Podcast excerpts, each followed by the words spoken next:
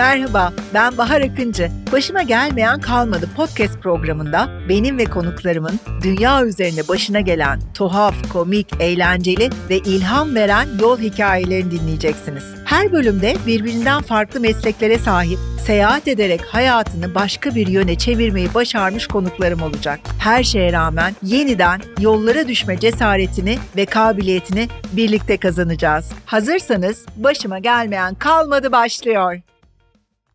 Başıma gelmeyen kalmadı ya, hoş geldiniz. Bugün karşımda Hindistan, Tayland ve Nepal'de bir buçuk yıl süren bir şifa yolculuğuna çıkmış. Hikayesi yine çok enteresan, çok etkileyici bir konuğum var. Bahar Kösemen. Bahar hoş geldin. Hoş bulduk, merhabalar. ODTÜ Sosyoloji bölümü mezunusun. Dijital pazarlama ve e-ticaret alanlarında çalışırken yaşam kaliteni olumsuz etkileyen sırt ağrılarına derman arayışı ile Shivananda yoga pratiğine başladın. Şehirde yaşam standartları edinmenin ötesine manevi bir arayışla Aralık 2015'te tek başına yola çıktın. Bir buçuk yıl süren yolculuğunda Hindistan, Nepal, Tayland ve Kamboçya'da geleneksel şifa yöntemleri üstüne eğitimler aldın. Özellikle Tay tıbbı üzerine deneyimler edindin. Yol boyunca aşramlarda ve manastırlarda kaldın ve gönüllü çalıştın. Şimdi burada bunu bir çırpıda söyleyince aslında normalmiş gibi geliyor ama sen çok acayip bir yolculuk yaptın ve ben seni daha önceden tanıdığım için bu yolculuğun bazı hikayelerine de hakim olduğum için aslında çok heyecan verici bir şey yaptın hayatın için. Nasıl cesaret ettin bu yolculuğa çıkmaya? Nasıl planladın? Her şey ağrıyla başladı. Bel ve sırt ağrısıyla başladı aslında. Çok uzun süre bilgisayar başında çalışıyordum ve gitgide artan bir bel ağrısı çekmeye başladım. İşte MR'lar çekildi, doktorlara gittim. Doktorlardan biri ameliyat olman gerekebilir dedi. Bu böyle bir fikire kesinlikle karşı çıktım başlangıçta. Sonra kayropraktiğe gittim falan derken kayropraktik çok iyi gelmeye başladı. Bir de eş zamanlı olarak da şeyin bilinci geldi. Daha sürdürülebilir bir şeyler yapmam lazım. Çünkü bu yani bilgisayar başında çalışmaya devam ediyorum. Belki böyle devam edersem de bu ağrı da devam edecek. Bununla beraber ben yogaya başladım. Yoga dersi aldığım eğitmenler aynı zamanda tayı masajı da yapıyorlardı. Böylelikle ben tayı masajı da almaya başladım onlardan ve böyle düzenli bir şekilde işte ayda birkaç kez olacak şekilde tayı masajı alıyordum. Bir yandan bununla birlikte yine eğitmenlerin yönlendirmesiyle günde 10 dakika meditasyon, işte spiritüel günlük tutma gibi etkinliklere başladım ben. Bu spiritüel günlükte uyanma saati, işte uyku vakti, gözünü açtığında aklından geçen ilk düşünce, o gün içinde yaşadığım bir kontrol kaybı, o gün için başarı olarak gördüğüm bir konu gibi başlıklar var. Ve bunları uygulayarak zamanla ben kendi fiziksel bedenimde bir bağlantılar kurmaya başladım. Bu, bu fiziksel olan ağrının zihinsel ve duygusal nedenlerini biraz daha anlamlandırmaya başladım. Ve bir yandan bu beni daha farklı bir sorgulamaya götürdü. Yani insana dair edindiğim bilgi, kendi bedenime dair edindiğim bilgi evrenin bilgisini veriyor. Bu makrokozmos ve mikrokozmos arasında bir takım bağlantılar var ve ben bunun neresindeyim, hayatımda neler oluyor diye bir sorgulamaya girdim. Bir yandan 30 yaşıma giriyordum o dönemlerde ve 30. yaş günü hediyesi olarak da kendime böyle radikal bir harekette büyük bir hediye vermek istedim. Peki işi mi bıraktın bunun için? Önceden planladın mı? Para mı biriktirdin? Çünkü adım adım planlanacak büyük bir yolculuk bu sanıyorum. Evet. Yolculuğa çıkmaya karar vermemle yola çıkmam arasında bir sene var. Ve ben o bir seneyi çok sıkı tasarruf ederek, çok sıkı para biriktirerek geçirdim. Çok ben proje gibi yaklaştım bütün bu yolculuğa. Sistematik davrandım. İşte Excel'de hesap kitap yaptım. Önceden biraz birikimim de vardı ve o bir sene içerisinde de biraz birikim yaptım. Ama aslına bakılırsa benim hayatıma mal oldu. Yani benim yaşımda pek çok kişi ve benzer profilde olan insanlar daha çok işte araba alıyor, ev taksidine giriyor, master doktoru yapmak için girişimde bulunuyor. Ki ben de en başında MBA yaparım diye düşünüyordum. Sonrasında fikrim 180 derece değişti. Ve ben kendime olan yatırımı bu şekilde yapmayı tercih ettim. Peki nasıl yerlerde kaldın yolculuğun boyunca? Ee, ne gibi bütçeler çıktı karşına? Yani bu yolculuğa çıkmak isteyen, bunun belki dörtte birini bile olsa hayal eden biri bütçe planlaması nereden, nasıl başlamalı? Şimdi ben eğitim aldığım için eğitim için ayrı bir birikim olması gerekiyordu mutlaka. Ama sadece o coğrafyayı, o kültürü görmek tanımak için gidilecekse eğer çok fazla imkan var. Gönüllü çalışma yapılabilecek çok imkan var ki ben çoğunlukla aşramlarda ve manastırlarda kaldım ve buralarda gönüllü çalışarak kaldım. Kısıtlı bir bütçeyle mümkün oluyor. Özellikle Nepal'e ben 690 lirayla gittim ve orada 3 ay boyunca kaldım. Bütçe hesabını yaparken, bütçeyi planlarken bence temel olan şey ne niyetle o gidilecek yere gidilmek istendiği, ha o ülkeyi neden görülmek istendiği ve orada ne yapılacağı. Buna dair çok hesaplı bir şekilde seyahat yapılabilir. E, Nepal'i konuşacağız ama daha öncesinde sormak istediğim bir şey var. Benim de aşık oldum Hindistan'da uzun süre kaldın. Nereden, nasıl başladın Hindistan yolculuğuna? Bu inanılmaz ülke sana ne gibi kapılar açtı?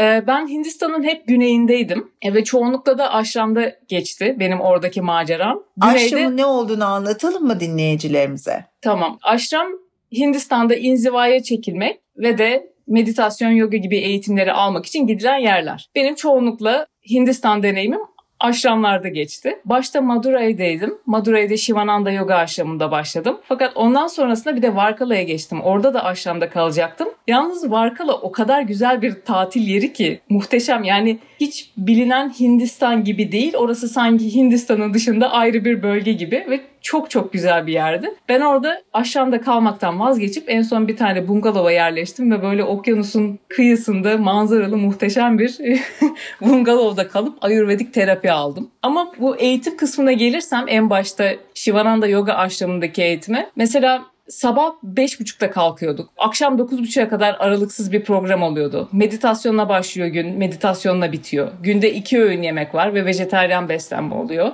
Günde iki tane ikişer saatlik yoga duruşlarını çalıştığımız dersler vardı. Onun dışında yoga felsefesi dersleri vardı. Karma yoga vardı. Karma yoga aşramın günlük işlerini idare etmek için e, herkesin yaptığı bir takım görevler oluyordu. Hatta bana da gelen görev 40 kişilik yurdun tuvaletlerini temizlemek olmuştu. 3 hafta boyunca yurtta tuvalet temizliği yapıp en son haftasında da e, yoga salonunu süpürüyordum.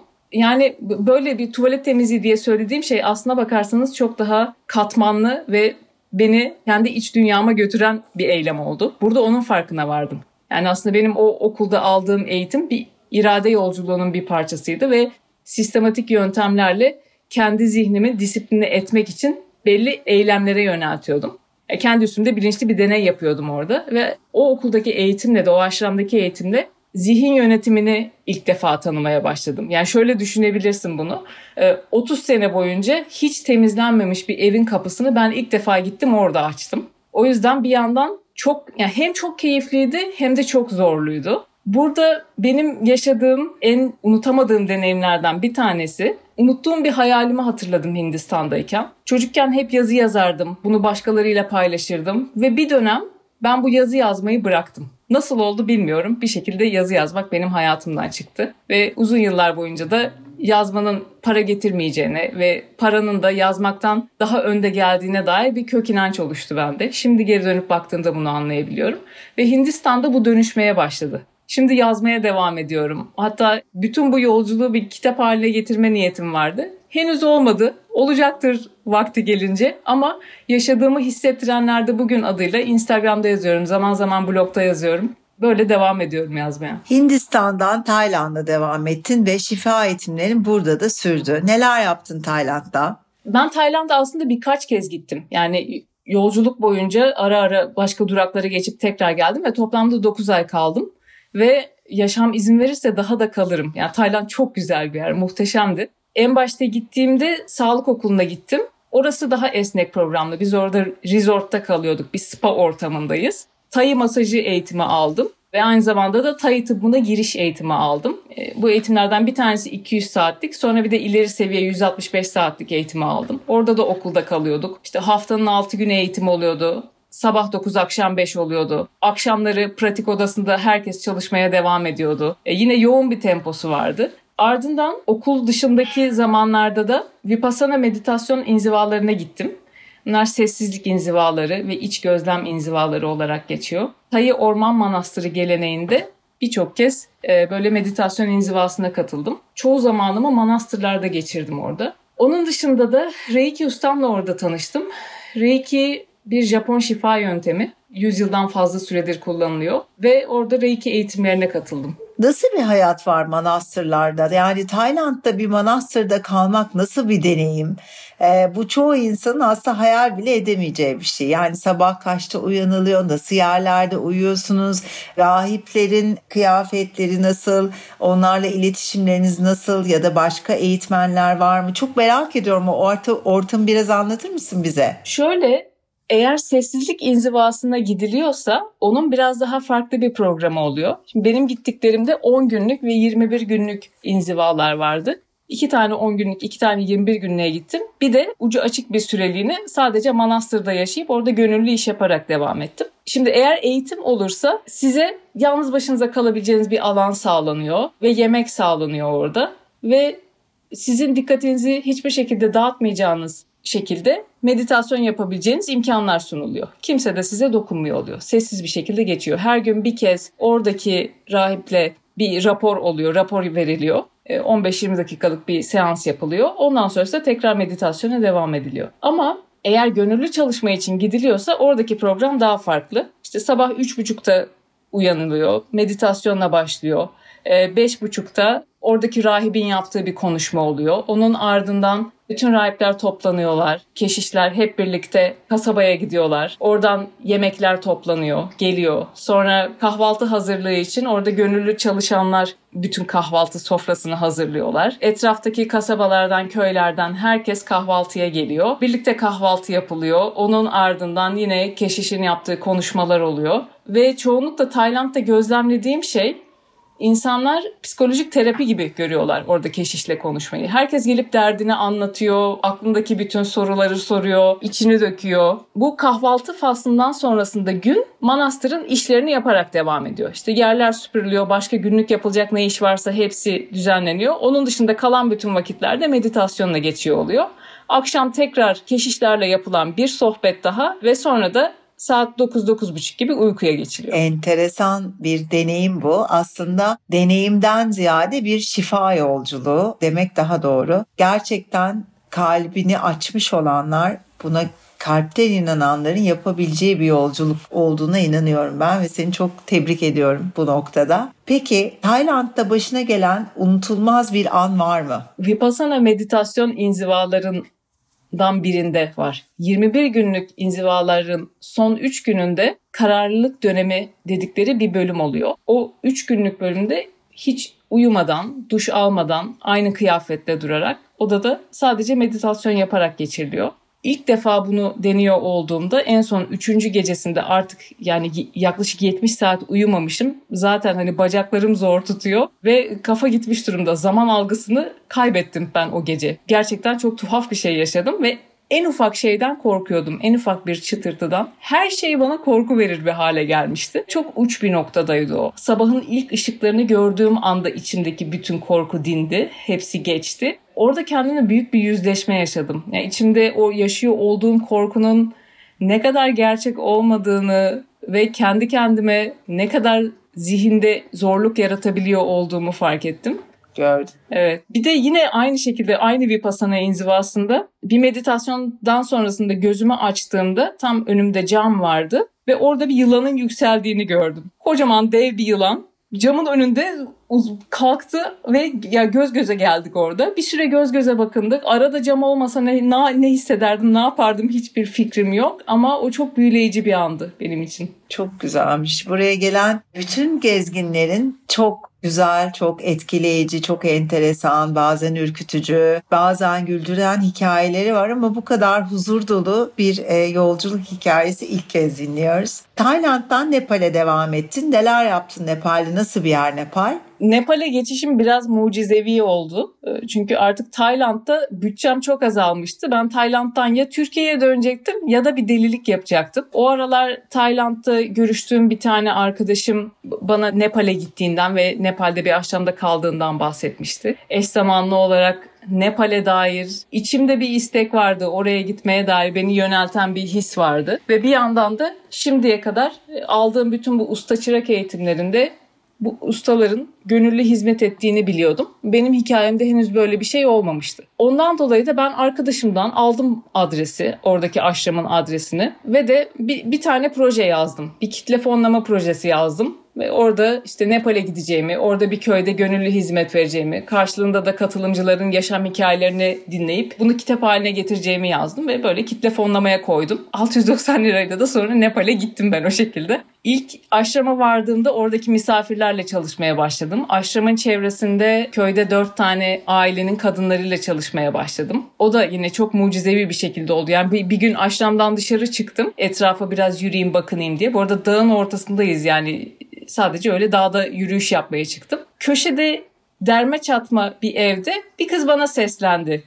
Beni çağırdı oraya ve çay koydu bana. Biz oturduk böyle çat pat İngilizceyle muhabbet etmeye başladık. Ne yapıyorsun diye sordu derken ben de hani ben buraya geldim ve işte gönüllü çalışacağım. Beden terapileri yapıyorum. İşte şöyle sırt ağrıları böyle bel ağrıları falan derken içeriden annesini çağırdı. Ee, sonra annesi etraftaki kadınları topladı derken orada bir, bir grup kadın olduk böyle ve ben o kadınlarla çalışmaya başladım orada. Çok ağır hikayeler vardı. Yani bazen beden terapileri yapıyordum ben bazen de reiki uyguluyordum ama çok yoğun oluyordu her şey. Yani dep tam deprem sonrası, depremden iki sene sonraydı ben oraya gittiğimde ve evini kaybetmiş insanlar. Çalıştığım kadınlardan bir tanesi ailesiyle prefabrik evde kalıyor hala. iki sene olmuş depremin üstünden. Aslında üç ay sonrasında devlet bir ev yapılacağını söylemiş fakat iki yıldır hala prefabrik evdeler. İşte sularını bile başka bir evden çekiyorlar filan. Kadınlar günlüğü 500 rupiye çalışıyordu tarlada ki bu 60 liraya denk geliyor. O köyden sonrasında bir de kliniğe geçtim Katmandu'nun içinde. Orada da cüzdan tedavisi görmüş hastalar vardı ve de özel ihtiyaç sahipleri olan hastalar. Onlarla çalıştık. Orada daha kısa süre kaldığımız için böyle uzun uzun beden terapileri yapma imkanımız olmadı ama beden farkındalığı üstüne workshoplar yaptık. Bir de benim sağlık okulunda öğrendiğim bitkisel kas gevşetici yağlar ve merhemler vardı. Onlardan yapıp bütün hastalara dağıttık. Ama Nepal genel olarak benim için bir zihinsel trekking oldu. Yani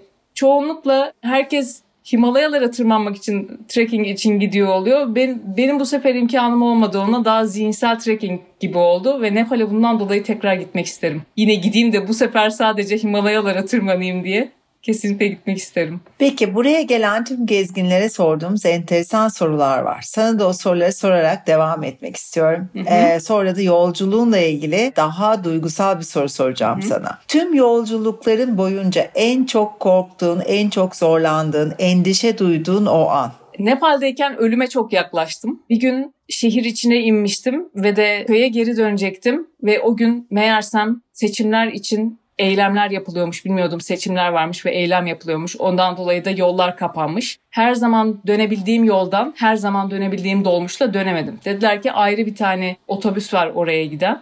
Bir midibüs var. Bununla anca gidebilirsiniz ve dağ yolundan gidiyor. Neyse ben başta bindim o midibüse. Böyle çok sakin, rahat görünüyor. Koltuğa da oturdum derken iki dakika sonrasında üzerime 50 kişi daha bindi. Biz tıktım tıkış orada yola çıktık. E, derin virajlardan böyle dağı tırmanarak gidiyorduk. Giderken birden böyle bam bir ses geldi. Bir şey patladı, bir şey oldu otobüste ama hiç kimsenin umurunda değil. Yanımdaki kıza baktım. Bir tek yanımdaki kız şöyle bir endişeli bakış attı. Ne oldu filan dedi. Ben de bir şey diyemedim ve biz öyle gidiyoruz kımıldayamadan. Aradan birkaç dakika geçti. Tam uçurumun kenarında uçurumu dönerken ben böyle kafamı sola cama doğru çevirdim ve bir yandan da otobüsün tekerlerinin havalandığını hissettim. Yani bu böyle maksimum 10 saniyelik hikaye, hikayedir herhalde. Belki daha bile kısa.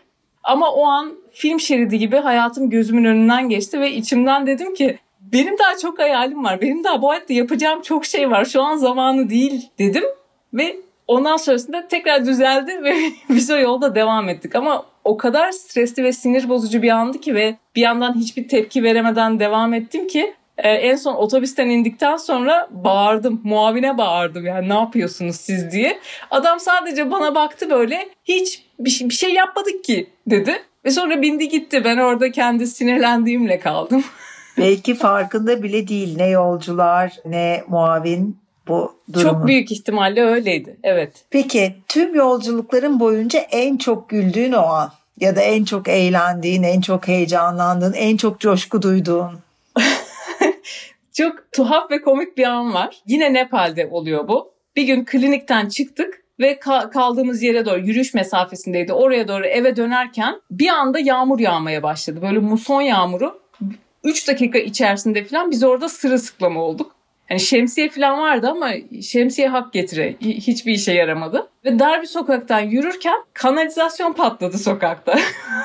Ve biz orada leş gibi suların içinde kaldık. Ya hiçbir şey de yapamadık. Böyle bakıyoruz yani patlayan sulara. Güldük o halimize. Ya batık durumdaydık. Gerçekten her şeyimiz battı. Bir yandan da çok mutluyduk. Minnet duydum öyle bir anı yaşadığımı. Benim için çok keyifliydi. Çok benzer bir an Zanzibar'da başıma geldi benim ve arkadaşlarımın. Bir yerde işte bir kahve içiyorduk. Orada internet çok sıkıntılı. Benim de bir online toplantıya girmem gerekiyordu. Ee, onu hallettikten sonra işte Stone Town'da bir fotoğraf çekimine gideceğiz. Sonra da böyle baharatla ilgili uzman olan bir kişiyle buluşup hı hı. buluşup onunla bir çekim yapacağız ve kahveden çıktığımız anda yağmur yağmaya başladı ve hani bir yağmur ne kadar kısa süre içinde sele dönüşebilir ben hayatımda orada gördüm. Belki yarım dakika içinde her yeri sel götürmeye başladı. Bütün sokaklar bileğimize kadar su altında kaldı ve herkese elinde sandaletlerini alıp yürümeye başladığını gördüm. Dedim ki yani bu nasıl olabilir? Nasıl yanlayak yürüyeceğiz? Ee, ve sonra biz de sandaletlerimizi çıkarttık, elimize aldık, sırt çantalarımızı önümüze taktık ve yanlayak o Venedik gibi suların içinde yürüdük, yürüdük, yürüdük ve gideceğimiz yere o şekilde ulaştık. Çünkü ne şemsiye fayda ediyor ne yağmurluk fayda ediyor. Islanmaktan başka hiçbir şansı yok ve tek düşündüğün şey hani bilgisayarım, telefonumu su altında e, bırakmayayım. E, neyse ki onlar bizi daha önceden uyardıkları için böyle su geçirmez kılıfların içinde duruyordu. Hı hı. E, onları kurtardık ama onun dışında her şey ve aradan iki saat geçti. Güneş açtı. Her şey kurudu. Yollar kurudu. Hayat normale döndü. Sanıyorum bütün o bölgelerdeki günlük yaşamın bir parçası bu deneyim. Evet ya yani bir noktada yaşama teslim olmayı öğretiyor o da. Kesinlikle. Peki yine olsa yine yaparım dediğin hareket. Angkor Wat'a tekrar giderim. Kamboçya'da muhteşemdi. Gün doğumunda gittim Angkor Wat'a ve gün batımına kadar oradaydım. Bütün bir gün boyunca ya o kadar büyüleyici bir yerdi ki acayip içimi döktüm ve hatta bir günden fazla bile vakit geçirilir. Çok çok güzel bir yerdi. Oraya tekrar giderim mutlaka ve de bütün bu yolculuğa yine olsa yine çıkarım. Yola çıkmadan önceki baharla yola çıktıktan sonraki bahar arasında ne gibi farklar var? Evet derin bir soru bu. Ben kendimi yeniden doğmuş gibi hissediyorum. Bu bir buçuk senelik yolculuğu iki tane 9 aylık yolculuk olarak yaptım aslında. Arada çok kısa bir süreliğine Türkiye'ye gelmiştim ve 2-9 ay benim için iki tane doğum demek oluyor. Ve bütün dünyaya bakış açım değişti. Şimdi tekrar mesela yaşadığı eski yaşadığım yere, çocukluğumun geçtiği yere geri geldiğimde olduğum bahar ve etrafımda yaşadığım olaylara yaklaşımım tamamen değişti. Ve de aslında dünyayı nasıl gördüğümü yeniden şekillendirmek yani içimdeki kırgınlığı, e, kızgınlığı ve de acıyı hafifletmeye ve bu duygulardan özgürleşmeye yardımcı oldu diyebilirim. Ama biraz daha yaşam şekli olarak söylersem, yaşam biçimi olarak bel ve sırt ağrıları konusunda gerçekten uzmanlaştım. O ağrıların nasıl yönetilebileceği konusunda. Artık hani fiziksel bedenin sınırlarını daha iyi tanıyabildikçe neyi ne zaman yapmam gerektiğini veya yapmamam gerektiğini ve de o konuda özenli olup olmamayı daha iyi ayırt edebiliyorum. Onun için de o bedenin neye ihtiyacı varsa onu vermeye gayret ediyorum, çaba gösteriyorum. Onun yanında düzenli sabah ve akşam pratikleri eklendi hayatıma. Düzenli bir meditasyon pratiği ve yoga pratiği var sürekli. Her gün olarak devam ettiriyorum bunu.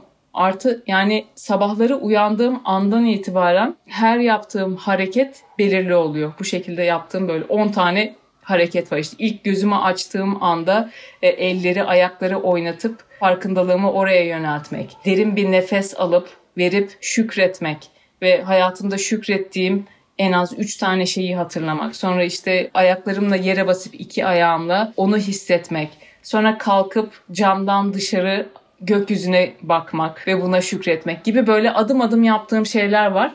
Ve böyle pratiklerin hayatımı çok büyük ölçüde değiştirdiğini fark ediyorum. Ne kadar güzel. Aslında bizim de her sabah yapmamız gereken pratikler bunlar. Böyle e, uyanır uyanmaz telefonu elimize almak yerine bunlarla güne başlamak ya da kahveye koşmak kahve yapmaya koşmak yerine kendimize böyle kısacık bir zaman zihnimize bedenimize ayırmak bizi çok daha iyi bir noktaya getirecek zihnen ve bedenen diye düşünüyorum. Yaşam çok hızlı ve dikkat dağıtıcı çok fazla şey var etrafta. Ondan dolayı bunları yapmak zor olabiliyor ama denemeye değer. Peki şimdi neler yapıyorsun? Ne gibi eğitimler alıyorsun ve yakın gelecekteki planların ne? Şimdi ben bir yandan tam zamanlı olarak çalışmaya devam ediyorum. Dijital bir ajansta çalışıyorum. Pandemi öncesinde seanslar yapıyordum. Beden terapileri ve aynı zamanda yaşam şekli rehberliği şeklinde e, seanslar uyguluyordum.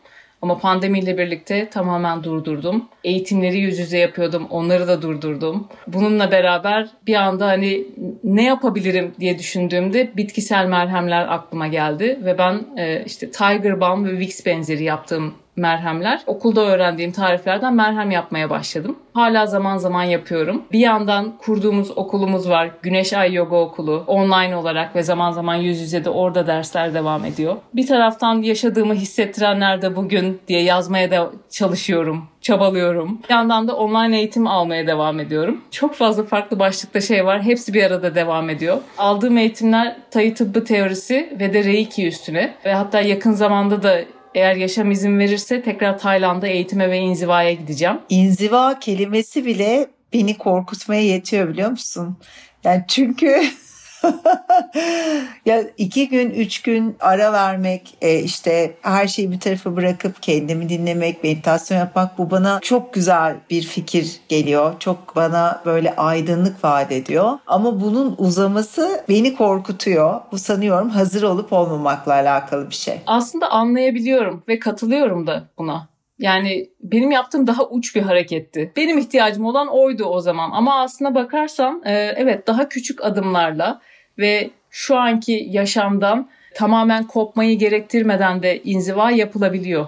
Bizim okulda e, hatta düzenlediğimiz bu şekilde hafta sonu inzivaları oluyor. Belki bir gün e, kendine böyle bir güzellik yapmak istersen bir hafta sonu kaçamak olarak bu hayatın düzeninden kaçamak olarak bir deneyebilirsin. Hem burada bahsettiğim kadar e, yoğun tempolar da değil. E, sonuçta Tayland'daki manastır hayatındaki tempo çok daha e, yoğun oluyor. E, ama burada yoga ve meditasyonla birlikte burada günlük hayata daha yakın inzivalar yapıyor oluyoruz. Peki okulunuzun aktiviteleri nereden takip edebiliriz? Instagram hesabı Güneşay Yoga Okulu. Aynı zamanda Hı-hı. web sitesi var güneşayyogaokulu.com. Ee, oralardan Hı-hı. Takip edebiliriz. Çok teşekkür ediyorum. Son soruma geldim. Senin gibi azimde yaşama tutunmak hayat yolunu değiştirmek, seyahat etmek, kendini seyahat ederek bir yol, bir hayat çizmek isteyen dinleyicilerimize ekonomimizi de göz önüne alarak tavsiyelerin neler olur? Ekonomiyi göz önünde bulundurmak gerekiyor evet ama onun da öncesinde niyeti belirlemek gerekiyor bence. En başta e, bir niyet, bir amaç geliyor.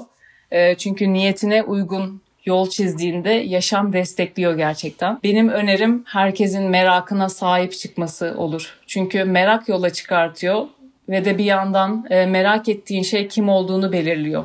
Bu merakı gözlemledikçe ve sorguladıkça ve bir yandan da bu cevapların peşine düştükçe çıkılan yoldan öyle işaretler geliyor ki ve bu takip edilen işaretlerle birlikte de yeni gelen bilgiler insanı bir noktadan bambaşka bir noktaya götürüyor. Bahar çok güzel bir final yaptın. Çok teşekkür ediyorum sana. Katıldığın için çok teşekkür ediyorum. Hayat yolunda e, mucizelerle dolu anlar diliyorum. Hepimize diliyorum bunu aslında. Çünkü senin bütün bu yolculuğun bende bir de böyle bir etki bıraktı. Daha umutla bakmaya başladım bu konuştuklarımızdan sonra. Hayata, hayat yoluna. Kendine iyi bak. İlk fırsatta yüz yüze görüşmek üzere. Çok çok teşekkür ederim. Bu sohbet bana kendimi yeniden hatırlattı. Çok sağ olun. Hoşçakal. Görüşürüz.